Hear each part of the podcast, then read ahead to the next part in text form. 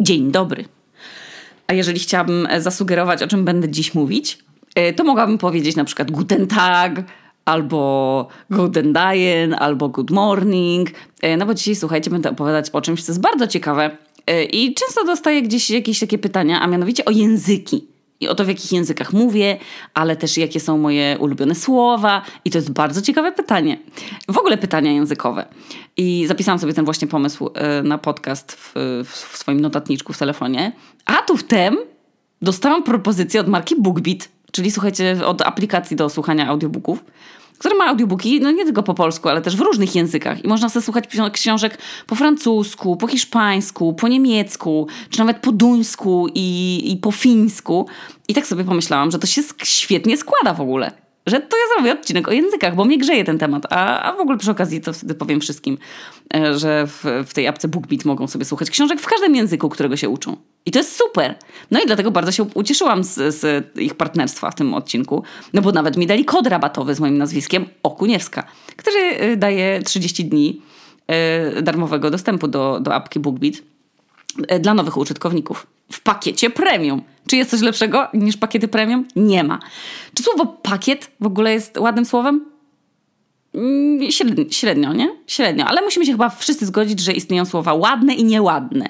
Są na przykład takie, które od razu sprawiają, że nam neurony w głowie podpowiadają jakieś rzeczy, że na przykład jak słyszę słowo w języku polskim y, pacha albo ropa, no, to, to mi to nie podpowiada nic miłego. Zaczyna mi się krzywić buzia. Ale na przykład już słowo orzeszek no to od razu się zaczynam, wiecie, rozchmurzać. To, to jest milutkie słowo. W, w ogóle zdrobnionka to jest też taki temat, o którym można długo rozmawiać. Te słynne pieniążki na przykład, to dla niektórych jest taki wyraz, że mają po prostu ślinotok ze złości i im piszczy to słowo tak, w, wiecie, w głowie. A dla mnie dla mnie pieniążki są spoko. W sensie mi, mi, się kojarzy to słowo bardzo miło, bo kojarzy mi się po prostu z moją babcią, która mi, wiecie, tak rolowała jak dealer do ręki 20 zeta i mi mówiła, że mam dla ciebie pieniążki i żebym sobie schowała. No więc to jest, świetne wspomnienie i na przykład dla mnie to słowo jest słowem mm, nawet nie neutralnym, ale wręcz takim bardzo y, optymistycznym, przyjemnym, y, kojarzącym się z czymś y, takim, z taką małą tajemnicą, że pieniążki to są takie troszeczkę, że sobie można, wiecie, je ukryć, nie? I zaczęłam się zastanawiać i robić w ogóle listę w głowie, jakie słowa w różnych językach mi się podobają tak na maksa i jakie w ogóle nie. I poprzypominałam sobie też dużo językowych różnych moich wpadek i dużo językowych tragedii szkolnych. E, I wypadałoby może na, na początek zrobić takie zarysowanie tematu językowego. Jako, że przyznam się, że języki to jest mój ogromny kompleks. Znam w zasadzie tylko angielski i, i tylko to sobie wpisywałam do CV. I jestem serio taką osobą, która. No, ja, ja, nie mam talentu do języków. Po prostu wiecie, takiego, że niektórzy mają jakąś taką wrodzoną umiejętność zapamiętywania w mig różnych słówek. Nawet jak gdzieś tam raz je usłyszą po prostu, albo gdzieś w piosence, albo w, w słowniku sobie sprawdzą i, i od razu, za, wiecie, je zapamiętują, albo na przykład w ogóle nie musieli się uczyć na języki w szkole, bo po prostu wszystko pamiętali z lekcji. I ja znam takich ludzi, ale to nie jestem ja. Ja jestem w języki beznadziejna i ja nie, nie wiem z czego to wynika. W sensie mam pewne podejrzenia, ale generalnie miałam taką życiową historię, że jak byłam w chyba piątej albo szóstej klasie podstawówki, to rodzice zapisali mnie na angielski dodatkowy. Wiecie, do takiej szkoły w Olsztynie, która się nazywała bardzo kreatywnie English Perfect, ale y, jednocześnie oferowała też naukę y, innych oczywiście języków niż angielski, nie? No wiecie, ja w sumie z taką no, dużą radością chodziłam na te zajęcia, no bo w podstawówce już zaczęłam angielski w trzeciej klasie, ale jakoś tak, mm, wiecie, no, no ciągnęło mnie, no. Poza tym, że w szkole miałam pewną wpadkę. Była to wpadka ze ściąganiem związana. Nie wiem, czy już wam o tym opowiadałam, ale e, ta wpadka zraziła mnie do ściągania na całe długie lata i więc opowiem wam ją ponownie. To było tak, że trzeba się było nauczyć kolorów takich podstawowych, nie? I, I, pamiętam z tego okresu, że to były chyba kolory kredek. Wiecie, orange, yellow, blue, no po, po, podstawy, no. Ale ja tego dnia, kiedy miałam kartkówkę z kolorów w podstawówce, to miałam na drugą zmianę i wolałam sobie oglądać rano telewizję i leciała jedyneczka na jedynce. I ja wpadłam na pomysł, pewnie widząc to u, u tej mojej starszej siostry, że ja po prostu zrobię sobie ściągę, no. I oglądając telewizję, Poszłam sobie do swojego biureczka tej trzecioklasistki, wzięłam sobie nożyczki, wzięłam od taty z drukarki kartkę papieru i wycinałam takie malusieńkie, wąskie kawałeczki papieru, takie mega wąskie, na których skrupulatnie pisałam, wiecie, orange nie? i blue i naklejałam je, używając kleju do papieru, takiego do Bristolu, na te kurwa kredki w piórniku. I ja tak sobie to wymyśliłam, że ja po prostu je obrócę dołem do napisu, w sensie napisem do dołu i po prostu jak, jak pani będzie patrzeć się na inne dzieci, to ja sobie w tę daną kredkę, wiecie, w tym piórniku tak obrócę, nie? I po prostu sobie spiszę ten wyraz, ten wyraz z kredki. Wybitny pomysł! Gdyby mi się to udało. To ja już bym chyba do 18 roku życia niczego bym się nie nauczyła, tylko bym naklejała, słuchajcie, kredeczki na kredki, aż bym po prostu y, w liceum nosiła trzy piórniki na kredki, no takie osobno koło siebie wsuwane. No ale mi się nie udało, bo pani w jakieś, nie wiem, no trzy minuty od początku sprawdzianu mnie złapała i dostałam jedynkę, co prawda do poprawienia, ale już na przerwie, moja mama się o tym dowiedziała, bo uczyła dzieci za ścianą obok. Także no ja pamiętam to do dziś, no wzrok mamy, która wiedziałam, że wie. No ale czy to sprawiło, że yy, nie nauczyłam się kolorów? No nie, no, znam kolory po angielsku. Także nie wyszło mi to za złe, na, na złe, ale w sumie pokazywało mój stosunek do języka angielskiego. Ale jak poszłam do tej szkoły English Perfect, to mi się już podobało bardzo bo uczyła mnie bardzo pa, pani taka fajna Kasia. Y, było dużo do czytania. Ta pani robiła taką pantomimę czasem, żeby nam, wiecie, nie, dać y, od razu odpowiedzi, mm, co tam jakieś słowo oznacza. A później, wiecie, no ja nie pamiętałam tego z tych pierwszych etapów, tak? Ale to była nauczycielka, która mnie zachęciła do nauki. I, i bez kitu byłam w, no w sumie w pewnym momencie z angielskiego byłam świetna. I wszystkiego, czego się nauczyłam na, te, na angielskim w tej szkole dodatkowej, dwa razy w tygodniu chodząc, uczyłam się później, dwa lata później w szkole. Więc już moi rodzice zrobili prześwietną rzecz, bo ja po prostu nie musiałam się już w gimnazjum prawie wcale uczyć, bo ja już to wszystko umiałam i ja się czułam prymusem. A nie ma kurwa nic przyjemniejszego niż raz na jakiś czas się poczuć prymusem z czegoś. Tak jak ja wtedy z angielskiego. No ale i tu się zaczynają schody. W gimnazjum doszedł mi niemiecki. I to już, nie, to już nie było takie łatwe, słuchajcie, bo złożyły się na to dwa problemy. Pierwszy to wiem od zawsze, czyli ta nauczycielka, która po prostu nas uczyła, no, nie za bardzo lubiła swoją pracę i, i po prostu nie prowadziła lekcji w taki sposób, żeby nas tym zainteresować. Mm, nie była też konsekwentna, dawała ściągać. No więc po prostu mieliśmy wszyscy taką świadomość, że niemieckiego się nie trzeba uczyć, no bo jest przyzwolenie, żeby go olewać. No, skoro sama nauczycielka miała taki olewawczy stosunek do swojego przedmiotu, no to my po prostu mieliśmy przyzwolenie, że możemy się nie starać. A druga sprawa, no to kochani, wiem to teraz, po tylu latach terapii i samorozwoju, wcześniej tego nie wiedziałam, że skoro ja byłam prymusem z angielskiego, a z niemieckiego nie rozumiałam nic, no bo jak to? Ja jestem z nim, nie jestem w marszu dobra w niemieckim? Na angielski się nie muszę uczyć, a ja na niemiecki się ucz muszę uczyć? Więc dziś potraktowałabym to jako dar od Boga, że oto tym niesamowitym zrządzeniem losu, wiecie, ja się mogę uczyć niemieckiego, nie? Mieć na niego więcej czasu. Ale hola, ja miałam wtedy 13 lat wszystko, co przychodzi w wieku 13 lat z trudnością, jest beznadziejne. I ja tak miałam. I nie chciało mi się, w dupie to miałam, bo miałam 13 lat i miałam totalnie nieistniejącą motywację wewnętrzną, bo no, na niemieckim nikt mnie nie chwalił, nie? Nie miałam się czym popisać, musiałam dużo y, przysiąść i, i się starać. Ten niemiecki był dla mnie trudny, więc się po prostu na niego obraziłam. Czy teraz czuję cringe, jak to mówię? No tak, no. Bo to jest durne, no wiadomo, ale nie będę dyskutować z 13-letnią mną, bo to w ogóle nie ma sensu. Faktem jest, że podręcznik y, Dider Das służył mi tylko jako podkładka do pisania liścików do koleżanek, a niemiecki to po prostu przelatywał mi przez uszy i nie umiem z niemieckiego nic. Umiem tyle, co... Już wam chyba też kiedyś mówiłam. Geburtstag Party to impreza urodzinowa, a ich habe keine Zeit znaczy nie mam czasu. Czy mogłabym nauczyć się czegoś więcej z niemieckiego? No ch chyba nie, bo on wymagał po prostu większej wiedzy, bo trzeba było wiedzieć, jaka jest płeć obiektu, zanim się coś powiedziało. Może w sumie jakby moim drugim językiem po nauce angielskiego byłby hiszpański, to bym się mniej zniechęciła, bo hiszpański jest przecież prosty na maksa. Znam ludzi, którzy się go nauczyli z kaset magnetofonowych i gazetki Easy Espanol i to jest, słuchajcie, mój tata. Ale niektórzy się go uczą e, na przykład z aplikacji w telefonie i też się potrafią dogadać, bo hiszpański jest prosty, ma dużo słów, które się da z czymś skojarzyć ale mi się trafił niemiecki, no i niestety no to była moja życiowa porażka. I, no i tak w sumie wkroczyłam w czas, kiedy nadal chodziłam na angielski i miałam zajebisty zasób słów. W ogóle potrafiłam czytać w gimnazjum już lektury po angielsku i, i pięknie się wypowiadałam, używałam wszystkich czasów i wiecie, no, no byłam prymuską. Jak trzeba było na zakończenie roku napisać jakiś list z wakacji, czy jakieś takie, wiecie, opowiadanie, to ja się po prostu trzęsłam z ekscytacji, nie? że kochałam to. A, a zaliczenie na dwóje z niemieckiego pomogła mi po prostu Lena napisać I, i to też musiała obniżać swój poziom, żeby było dużo błędów i żeby wyszło, że to faktycznie ja to pisałam. Koszmar. Ale pamiętam kilka słówek niemieckich, które mi się gdzieś przewijały po prostu w, nie wiem, w memach i to było chyba na przykład tak jak jest motyl że w każdym języku on tak pięknie brzmi, że motyl, taki butterfly, taki lekki i zwiewny i wiecie, de delikatny, a po niemiecku motyl to jest szmer, szmetterling, czy tam szmerling, coś takiego, nie? Że taki mocny. A to przecież brzmi jak Messerschmitt, no. Jest samolot wojenny. Ale ja mogę uznać, że, że jednym z najczęściej przeze mnie używanych niemieckich słów jest Weltschmerz, czyli to uczucie, które jest w sumie uczuciem takiej sentymentalnej tęsknoty, takiego żalu za czymś. No i takiego smuteczku dojmującego. No i to jest słowo niemieckie, które lubię. I brzmi ono tak właśnie, tak jak wszystkie w sumie słowa niemieckie, no tak ostatecznie. Tak jak ostatecznie skończyła się wtedy moja trzyletnia, powtarzam, trzyletnia przygoda z niemieckim, gdzie na Boga, no mogłam wyjść z z dodatkowym językiem do CV, a ja sama wolałam się, słuchajcie, unieść dumą i po prostu jak jakiś rozbestwiony dziecior, wiecie, się po prostu nie przykładać złośliwie, bo narzekałam na panią i że trzeba się, uczyć się trzeba, nie, niemieckiego.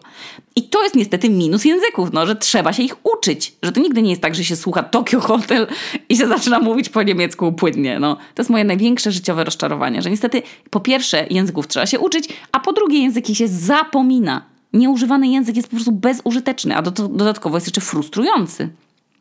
No bo człowiek czuje tę swoją ułomność, wiecie, związaną y, z posiadaniem tego języka. Kiedyś się, wiecie, miało bogaty zasób słownictwa y, i, i, wcześniej się gadało bez absolutnie żadnych barier, a teraz nagle co? No koszmar.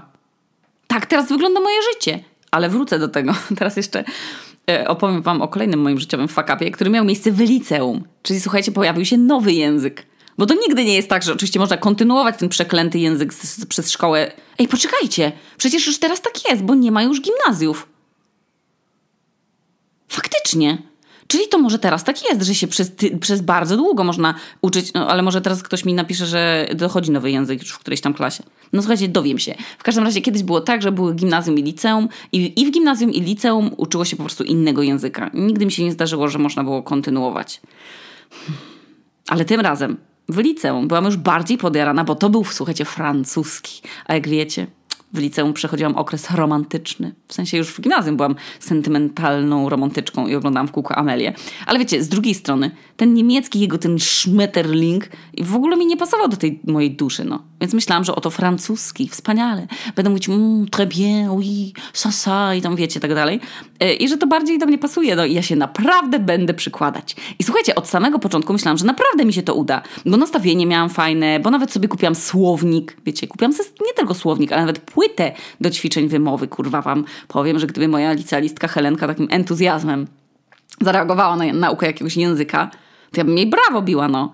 No i serio, ten francuski mi się podobał, ale jednocześnie, niestety, trafiłam na bardzo wymagającą nauczycielkę. Kumacie. Od niemieckiego miałam nauczycielkę, która miała nas gdzieś i to źle. A teraz co ja mówię? No, no my tę nauczycielkę nazywaliśmy wszyscy, słuchajcie, madame. I ona była niestety, mm, muszę ją łagodnie określić, bo, bo y, może słucha mnie ktoś, kto pokojarzy fakty i na przykład do niej dojdzie i zrobi przykrość, albo jest jej wnukiem. Mm, więc nazwijmy ją po prostu, że była bardzo surowa. Ale też jednocześnie była niemiła. Ta pani potrafiła się do nas odezwać, słuchajcie, tak, że jakby to słyszeli w programie y, Uwaga TVN, to by przyjechali na lekcję i zrobili o nas materiał. Bez kitu, to w pracy się nazywa mobbing. Za to można pozwać swojego szefa. I jak nam się, nie wiem, raz przekręciło słowo, czytając pracę domową, to można było usłyszeć o sobie naprawdę y, przykre rzeczy. A my wiecie, no myśmy po 16 lat i nic nie było można było powiedzieć tej pani, bo, bo to przecież pani nauczycielka, madam. I, a że ja byłam taka bardziej wygadana i potrafiłam, bo teraz już nie potrafię. Ale jak się przebrałam miarka, to tak wiecie, powiedzieć stop, to ta pani się na mnie uwzięła. I no, to była taka nauczycielka starszej daty. I, I to nie było tak, że to była tylko moja opinia, ale po prostu no, to był terror. No. I francuski był lekcją, przed którą wszystkich bolały brzuchy, ludzie mieli sraczkę, bola, wiecie, chcieli się zwalniać z tego francuskiego, bo, bo nie mieli pracy domowej czy coś tam, czy, albo była za trudna i nie wiedzieli, czy mają dobrze i nie chcieli czegoś usłyszeć o sobie. No bo tam Madame Żaba, tak ją nazywaliśmy, ona myślała, że ten francuski to jest najważniejszy przedmiot. I powinniśmy po trzech latach z nią, a w zasadzie już chyba po pierwszym roku, umieć sprzedać po francusku mieszkanie. Przysięgam. My sprzedawaliśmy mieszkania po francusku tam. Trzeba było napisać ogłoszenie sprzedaży domu, napisać, że ma basen. Na Boga, mieliśmy po 16 lat. Ja naprawdę lubiłam ten francuski. I ten terror, w jakim byliśmy, ten terror nauki i strachu przed popełnieniem błędu, żeby nie zobaczyć obrażonej na nas nauczycielki, bo ktoś powiedział, nie wiem, lepisin, a nie lapisin, bo przecież, bo ja nadal dużo z francuskiego pamiętam. Jak jest film z napisami, to ja jestem w stanie słuchać i naprawdę dużo rozumieć. I tak sobie tylko okiem rzucać na napisy, co jest zaskakujące. Bo zobaczcie, że już mija 10 lat ponad, a ja nadal sporo pamiętam. Ze stresu chyba. Nie wiem, ta historia z nauczycielką potoczyła się tak, że na szczęście w tym liceum e, pracowała i zresztą do dziś chyba pracuje, wybitna pedagogzka. Do dzisiaj jest, e, tam jest dyrektorką pani e, Jolanta Skrzypczyńska. I tu jest wybitna dyrektorka, która słucha swoich uczniów. I my tam po prostu wspólnie poszliśmy do niej i powiedzieliśmy, że słuchaj, proszę pani, nie czujemy się okej, okay, że ten francuski jest super, ale ta pani sprawia, że my mamy po prostu straczkę wszyscy. No i ona mówi rzeczy, których nauczyciel mówić nie powinien. No i pani nas potraktowała bardzo poważnie. I faktycznie ona zatrudniła po prostu inną panią. I ona była super. Nie do końca pamiętam, że on, czy ona mówiła po polsku, ale mówiła po francusku. I y, nazywa się chyba Anais, no chyba tak, no i była bardzo super. Yy, słuchaliśmy piosenek po francusku, coś na różnych świętach we Francji było. No, no to było fajne, to było, to było fajne, to było super. Ale najlepszą robotę odwaliła moja mama bo jak była na jakimś, nie wiem, no, no tam konferencji jakiejś za granicą nauczycielskiej, to ona się zgrała z jakąś inną nauczycielką, bo nauczyciele, słuchajcie, tak mają, nie wiem, czy wy o tym wiecie, że oni się jak kurz po prostu do siebie przyklejają i oni się łączą i łączą i robią takie nauczycielskie drużyny z całego świata. I ona tam poznała właśnie taką panią, której e, syn się uczył polskiego. I, i tak sobie wymyślił ten chłopak w liceum. I e, one, wspaniałomyślnie, te nasze e, ma matki, nauczycielki, które się kleją do siebie kurz, wymieniły się adresami i my ze sobą korespondowaliśmy. On się chyba nazywał Alan Saint-Juinetti, czy tam Saint-Juinet i, i ja z nim korespondowałam drogą papierową, w sensie drogą nie papierową, w formie papierowej. I, i Beskidu to było niesamowite. Nie wiem o tym chłopaku absolutnie nic. Nic.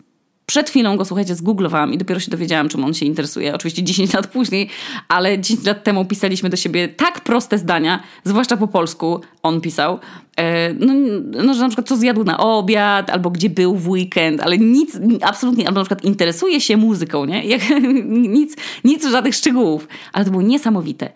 E, tylko nie wiem, kto przestał. Czy to ja już mu nigdy nie odpisałam, czy on mi? Czemu my do dzisiaj ze sobą nie, nie piszemy? Teraz mi się zrobiło przykro. Czy to mój, słuchajcie, list nie dotarł i on myśli, że ja już mu nigdy nie odpisałam? A może to się jemu przytrafiło? A może po prostu nikt nie odpisał? No i co teraz? Czy ja powinnam do niego napisać na Facebooku? Czy to będzie creeperskie? Muszę to przemyśleć chyba. No ale dobra, czy mam ulubione słowo po francusku? Mam.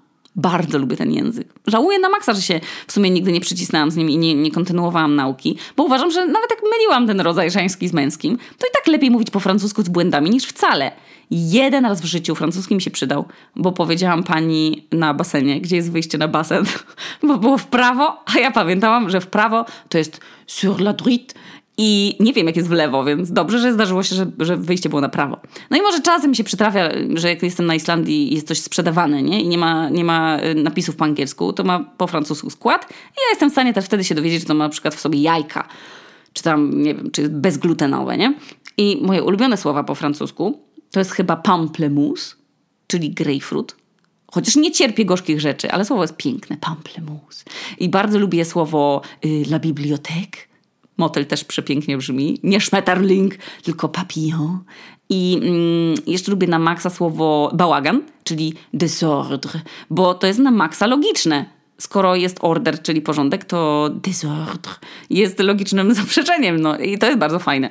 Ale oczywiście jak byłam w liceum i się nie nauczałam na sprawdzian, to wszędzie wpisywałam królika jako, że le lapin jakie było pytanie, jakie jest twoje ulubione zwierzę, to pisałam, że to, to jest Le Lapin, a y, jak było pytanie na przykład, jakie jest twoje ulubione danie, to, to wtedy pisałam, że to jest królik z ziemniakami, czyli Le Lapin chyba avec pomme de terre, co już w ogóle jest świetne we francuskim, że ziemniaki to są jabłka z ziemi, bo jabłko to jest un pomme, a ziemniak to jest pomme de terre. I tak się dotoczyłam do końca szkoły, słuchajcie, z, z tymi wyrazami. I chyba na świadectwie, no, nawet chyba miałam czwórkę z francuskiego. Co jak na mnie, to był naprawdę dobry wynik, bo przecież z angielskiego byłam prymuską. I wiecie, kiedy dostałam yy, sraczki i się przestałam czuć prymuską, to była matura.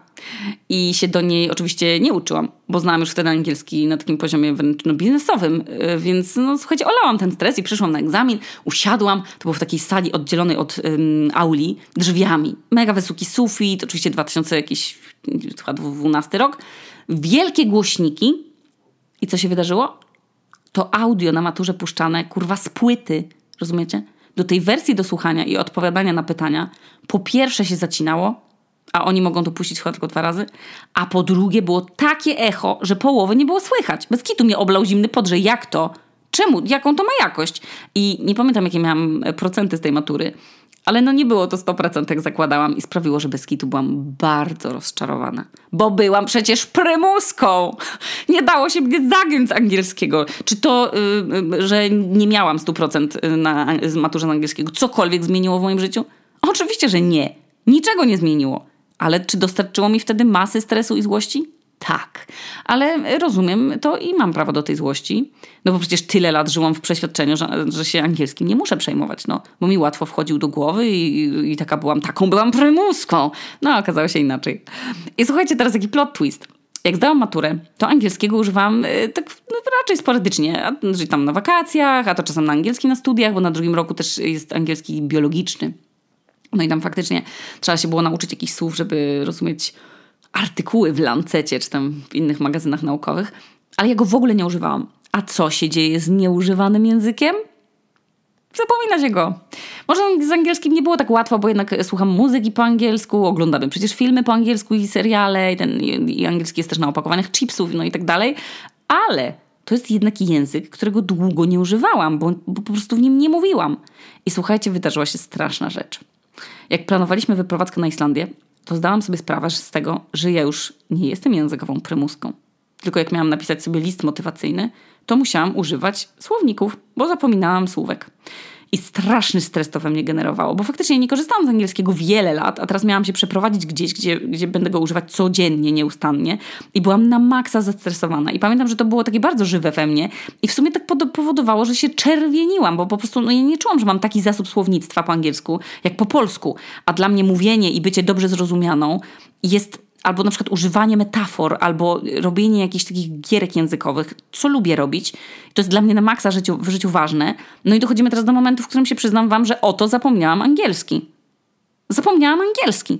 Nieużywany angielski po prostu się zapomina. I teraz ten angielski, w którym nie jestem w stanie mówić tak płynnie, i jak coś jest fajne, to po prostu mówię, że to jest wonderful, ale nie znam synonimów tego i ciągle mówię tylko, że it's nice, fine, great. I to powoduje, że bez kitu jestem zawstydzona.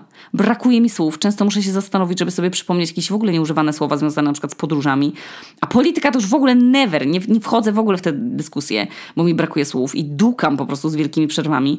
I powiem wam, że to jest okropne, bo ja mówię szybko, i mówię dużo po polsku i po prostu po angielsku zaczynam tak samo i, i się zacinam i robię i wtedy czuję uścisk w żołądku, że już oto dukam. Koszmarne uczucie. Uczucie zacinania się na bardzo prostych komunikatach. I ostatnio miałam takie spotkanie swoje autorskie w Reykjaviku. I kiedy organizowałam to z Kikką, czyli właścicielką e, takiej miłej kawiarni autorskiej, właśnie dla pisarzy i różnych twórców, to ona mówiła: Asia, I would like to invite someone from television. Albo mówiąc z islandzkim akcentem: Asia, I'd like to invite someone from television. I ja wtedy, o, no, no, no, no, thank you, Kika, Kika, mm -mm. bo już miałam ścisk w żołądku, że oni się będą, nie wiecie, o coś pytać do kamery, o czym jest twoja książka? Po angielsku, a ja będę y, y, y, się dusić na czerwono i nie powiem ani słowa. I z czego to wynika? Z tego, że jak przestałam pracować w restauracji, to po prostu nie miałam zbyt wiele okazji, żeby dyskutować z kimś po angielsku na jakieś inne tematy niż czasami coś w knajpie albo na poczcie, czy, czy tam w sklepie, wiecie. Ja nie muszę się już, nie muszę już opowiadać co u mnie albo czegoś o Polsce, no bo jak się tutaj przeprowadziliśmy, to mój angielski mi się, no powiedzmy, że trochę odblokował i więcej zaczęłam mówić, dużo mi się przypomniało. A teraz znowu dukam. W angielskim moim ulubionym słowem jest chyba słowo rhythm. Bardzo lubię słowo rhythm. I pollution, bo jest tak dalekie od zanieczyszczenia, jak tylko się da, ale jednocześnie brzmi świetnie. Y, świetne jest też słowo y, medieval, ale też lubię słowo dissection, czyli takie roz, rozwarstwienie. Y, lubię również słowo, o, lubię achievement, bez kitu pięknie brzmi. I jeszcze lubię, słuchajcie, uplifting, jako określenie takiej radosnej muzyczki. Świetne to jest słowo. A ze słów angielskich, których nie lubię, to na przykład od razu mi przychodzi do głowy słowo, którego nienawidzi Aneta i to jest słowo moist czyli taki, takie nawilżenie, moisture. Bleh, takie jakieś obślizgłe jest to słowo i faktycznie nie brzmi najprzyjemniej. Mam ciary na plecach, e, jak słyszę słowo dilema. Bo od razu mam przed oczami jakąś okropną w przebiegu chorobę. Ale nie dylemat, tylko jakąś taką, wiecie, dżumę czy coś, że ktoś choruje na dilema. Kojarzy mi się też ze śpiączką w sumie. Straszny wyraz. Tak samo jak słowo digestive. Tak się nazywają ciasteczka, przecież jest słowo digestive system, kurde, przecież określenie jelit, tych wszystkich gnatów. Jak w ogóle można coś tak nazwać smacznego?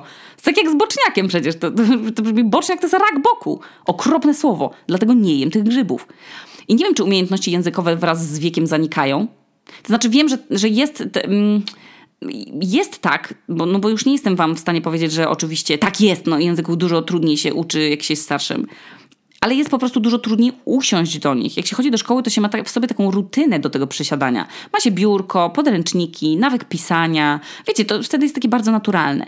I jak byłam w szkole, to mi się wydawało właśnie odwrotnie, że lepiej mi się będzie uczyło języków w przyszłości. Jak będę mogła sobie po pracy iść na kurs, nie będę musiała się uczyć kilku rzeczy naraz, w dodatku pod presją czasową związaną ze sprawdzianami i takiego tego priorytetyzowania, gdzie musiałam się zastanawiać, na co muszę się najpierw nauczyć, że na przykład, czy bardziej muszę, wiedziałam, że więcej czasu zajmie mi nauka matematyki, albo fizyki czy chemii, e, niż napisanie e, czegoś na polski i wolałam najpierw przysiąść do tego polskiego, bo wiedziałam, że to szybko po prostu odbębnie, a będę mogła więcej czasu poświęcić na coś innego, no. No ale niestety, no, to, to teraz faktem jest, że jak się jest dorosłym, to się mózg po prostu rozleniwia. A po drugie, dużo ciężej jest się zmobilizować do tego, żeby po pracy jeszcze coś zrobić, wiecie, naukowego. No i dlatego na przykład mój islandzki jest jaki jest. Że ja rozumiem mega dużo, w książkach dziecięcych Helenki wszystko, jestem osłuchana na maksa, wiem jak się czyta po islandzku, co już jest bardzo ważne, bo daje taką możliwość samodzielnej nauki y, z na przykład tekstów piosenek. Ale niestety islandzki jest tak skomplikowany jak polski. Jest po prostu na maksa złożony, ma odmianę, tak jak w polskim. Ma trudny alfabet, że wiecie, łatwiej jest mówić niż pisać w nim, no bo y, są te dziwne litery, ale też y, apostrofy, kreski, wiecie, nad i, kreski nad a, no i weź to zapamiętaj, nad którym i, nad którym a. Koszmar. To tak jak we francuskim w sumie też tak było. no cóż, no jak wiecie, no jak, jak, jak w ogóle wie, wielu obcokrajowców, myślę, nie ma czasu, siły na islandzki, po, po prostu jak jest się po pracy i, i, ma się wolny dzień, to człowiek chce odpocząć, no albo posprzątać się w chacie, a nie zapierdzielać na intensywny islandzki. Wiadomo, no. Znam ludzi, którzy znają islandzki, yy, ale na przykład mieszkają tu już z 10 lat. I powiem wam, że jak ja będę na Islandii przez 10 lat, to pewnie już też będę mówić, no, bo moje dziecko będzie mówić po islandzku, ja muszę przecież te, to rozumieć. Więc plan jest na ten rok taki, że jak Helena pójdzie do przedszkola, a wydarzy się to już jakoś chyba na przełomie sierpnia i września, to ja zapisuję się na indywidualny islandzki i konwersację po angielsku. I Beach Don't Kill My Vibe. Z mojej listy rzeczy, które chcę zrobić w tym roku, już spełniły się dwie. Zaczęłam jeździć samochodem sama i zapisałam Helenę do przedszkola. A w zasadzie w sumie teraz myślę trzy, bo chciałam też iść na kurs y, porozumienia bez przemocy i teraz zaczynam jutro. Więc no to są trzy rzeczy z listy. No więc słuchajcie, jestem bardzo podniecona. Jestem też przekonana o powodzeniu tego planu, no bo zarówno ja, jak Amadeusz będziemy potrzebować tego islandzkiego już no, tak na poważnie. E, I jednocześnie wiem, że to będzie przeprawa no, na maksa, bo już byłam na kursie islandzkiego i już wiem, z czym się to je. Ale z drugiej strony po prostu już będę miała na to czas. I nie mam już wymówek. Po prostu chcę to zrobić. I jest w islandzkim bardzo dużo słów, które lubię. E, jednym z nich jest na przykład słowo kinkia, czyli łyk. Bardzo to lubię. Saurin, na przykład też jest piękne Saurin i to jest ta rana, chociaż brzmi jak jakieś, jakaś planeta. Przepiękne słowo. W ogóle islandzki jest pełen wspaniałych słów, bo są takie jak ting, takie dźwięczne na maksa. Na przykład słowo yy, aldrej, czyli słowo oznaczające nigdy. Brzmi dla mnie jak wyśpiewane, takie aldrej. Piękne to jest. Kocham też słowo widar, które jest też imieniem i tak się nazywał poprzedni e, właściciel naszego mieszkania, a Widar oznacza drewniany. I on się nazywał drewniany syn Teodora. Przykre co? Ale wyraz bardzo piękny. Jest też jedno słowo islandzkie, którego nie umiem wymówić. Nie lubię go, ale jest to słowo związane z deszczem. A drugie jest związane z zębami. I one się pojawiają w książeczkach dla dzieci helenkowych i stąd je znam. Jedno, właśnie ten deszcz, to jest, to jest spróbuję to teraz przeczytać, ok? Rigninguna. Rigninguna. No o, nie, okropny łamacz języka dla mnie. Rigninguna. Nie wiem. Zwłaszcza jak jest w zdaniu, bo na przykład słowo deszczowy dzień to jest, to jest Rigningarlekt. Ring, rigning, nie umiem tego powtórzyć, słuchajcie, no, ma, masz ciarki, no. A drugi wyraz, czyli zęby, to jest w ogóle, chciałam jeszcze powiedzieć, to jest fakt, że boli mnie pierwszy raz w życiu ząb. Pierwszy raz. Jak piję ciepłe, to mnie boli. I zapisałam się do dentysty na czwartek i już mnie boli kieszeń. No ale nieważne, po islandzku zęby to jest tennurnar I zawsze jak to czytam, i to robię to źle, no, bo to słowo jest po prostu trudne w odmianie. Tennurnar. W książkach występuje też mega dziwnie napisane tym, wiecie, taką czcionką, po prostu tym fontem takim dziecięcym. Y, o Jezu, okropne. No i dlatego, żeby Helena nie doznała językowego szoku, kiedy pójdzie po wakacjach do przedszkola, kiedy usłyszy, jak naprawdę się brzmią zęby, a nie tak jak matka czyta ten nurnar, to wczoraj była u nas pierwszy raz niania. Tak, niania. E, tutaj na Islandii nawet 14-latki się zajmują po szkole dziećmi i sobie dorabiają do kieszonkowego i była u nas właśnie taka 14-letnia Lilia, E, która mm, mówi w ogóle, jest trzyjęzyczna, bo, bo mieszkała w Danii po praktycznie no, 13 lat. Ma tatę Islandczyka, a mamę Amerykankę, więc ma po prostu, Jezu, no, wygrała na loterii chyba językowej. E, I, e, I szukałam, po prostu napisałam ogłoszenie, że na takiej grupie sąsiedzkiej, że kto by chciał tutaj przychodzić do Heli, się bawić z nią po islandzku albo czytać islandzkie książeczki, żeby wiecie, no, żeby skoro ona już wszystko rozumie po polsku, to żeby jak pójdzie do przedszkola, to nie doznała szoku i żeby nie, nie dokładać jej dodatkowego stresu, że wszystkie dzieci rozumieją, że teraz idziemy ubierać buciki, a Helena nie kuma po islandzku. No bo jednak język to jest niebywale ważna sprawa. I nie, no nie chciałabym po prostu narażać Heleny na jeszcze większy stres, niż będzie miała e, zapewniony podczas tej adaptacji w przedszkolu. No bo sama też bym nie chciała być wrzucona gdzieś, gdzie wszyscy mówią w języku, którego nie rozumiem. Dlatego przyszła właśnie Lilia.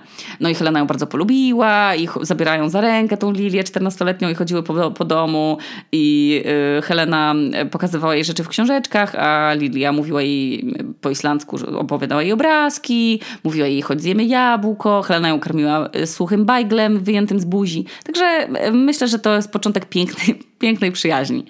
No, ale wybrałam Islandię przecież za kierunek emigracji dlatego, bo wiedziałam, że, że ja mogę się chociaż dogadać po angielsku, nie? I wszyscy doznają angielski i sprawnie się nim porozumiewają. Więc miałam takie bezpieczne plecy, że, że po prostu się dogadam w sklepie, y, w knajpie, a, a nawet w pracy. No i czuję ogromny podziw wobec ludzi, którzy w ogóle nie znają języka, a emigrują. I to nie tylko w jakieś, wiecie, szalone kierunki, jak do Norwegii czy do Portugalii, bez znajomości żadnego języka, ale też po prostu do, jakiego, do jakiegokolwiek kraju, gdzie trzeba znać przynajmniej angielski, a, a oni emigrują bez znajomości tego. Wyobrażacie sobie gdzieś wylądować jakimś, nie wiem, na jakimś dworcu czy coś i totalnie nie kumać, gdzie jesteście i nie móc się dogadać z kimś i dać mu na przykład pytania? Jezus, ja bym umarła ze stresu. A ludzie jakoś dają radę. Także duży szacun. I seria mega brawa, bo to jest dla mnie o, większy brak komfortu w sumie, taki, taki wiecie, tak, taka, taki niepokój z tym związany, z brakiem porozumiewania się, w sumie niż pływanie i jazda samochodem, co też jest dla mnie bardzo stresujące. No, więc ten odcinek to była moja językowa spowiedź i bardzo niekomfortowe dla mnie wyznanie, że no nie znam już angielskiego tak dobrze jak kiedyś. Nie ma takiej płynności, o, jak po polsku. I szlak mnie trafia, jak mam mówić coś więcej niż zamówienie jedzenia okropne uczucie. Ale serio, to jest do zmiany. Jeszcze przyjdą czasy, kiedy będę mówić dużo i będę znowu mieć zasób słownictwa godny osoby, która się tyle lat uczyła tego języka. No bo najważniejsza rzecz to jest, żeby języki pielęgnować. I to jest niekomfortowe. No, ludzki mózg powinien działać w ogóle inaczej, no, ale, ale nie działa. Więc, więc trzeba się zmuszać. Czytać książki w różnych językach. No, może to zabiera więcej czasu, no, ale jednocześnie nie musimy wtedy yy, na przykład nad zeszytem ślęczeć, no, nad zeszytem ćwiczeń i się uczyć jakichś słów na blachę. Można się zapisywać na konwersacje przecież, yy, online nawet. Można sobie jeździć na obozy językowe. Można zatrudnić nianię, która nam będzie czytać książki w języku, w którym nie mówimy. Ale no, można sobie też ściągnąć apkę BookBeat no, i słuchać książek po niemiecku, czy po francusku, czy angielsku, czy w jakim chcecie języku, nawet po fińsku i się osłuchiwać. Bo jest oczywiście wiele metod nauki języka, ale moim zdaniem najlepsza metoda to jest metoda zanurzeniowa. Czyli po prostu sobie ustawiamy wszystko w telefonie w danym języku, słuchamy radia w danym języku, słuchamy książek i podcastów w tym języku i po prostu jak najczęściej organizujemy sobie możliwość mówienia w nim. I to będzie moja metoda mm, na naukę islandzkiego już od wakacji. Czy jestem podekscytowana? Trochę tak. Myślę, że dojrzałam po prostu do tego i już po prostu poważnie mam motywację i już mi się chce. Także to może powinnam zakończyć jakimiś samymi ładnymi słowami, co? Na przykład mogę wam wyszeptać piękne słowo yy, fantasmagoria. Albo fajne takie słowo, na niefajną krostkę, kaszaczek. Albo jeszcze, o, jeszcze jest piękne polskie słowo kiszonka. Słodkie? Dziękuję Marce BookBeat za partnerstwo w tym odcinku. Y, kod znajdziecie w opisie odcinka, a ja lecę do kościółka. Żartuję, no ale chciałam po prostu użyć słowa kościółek. No, pa! Tu Okuniewska z nadpiwniczki w Reykjaviku, a to był odcinek o językach.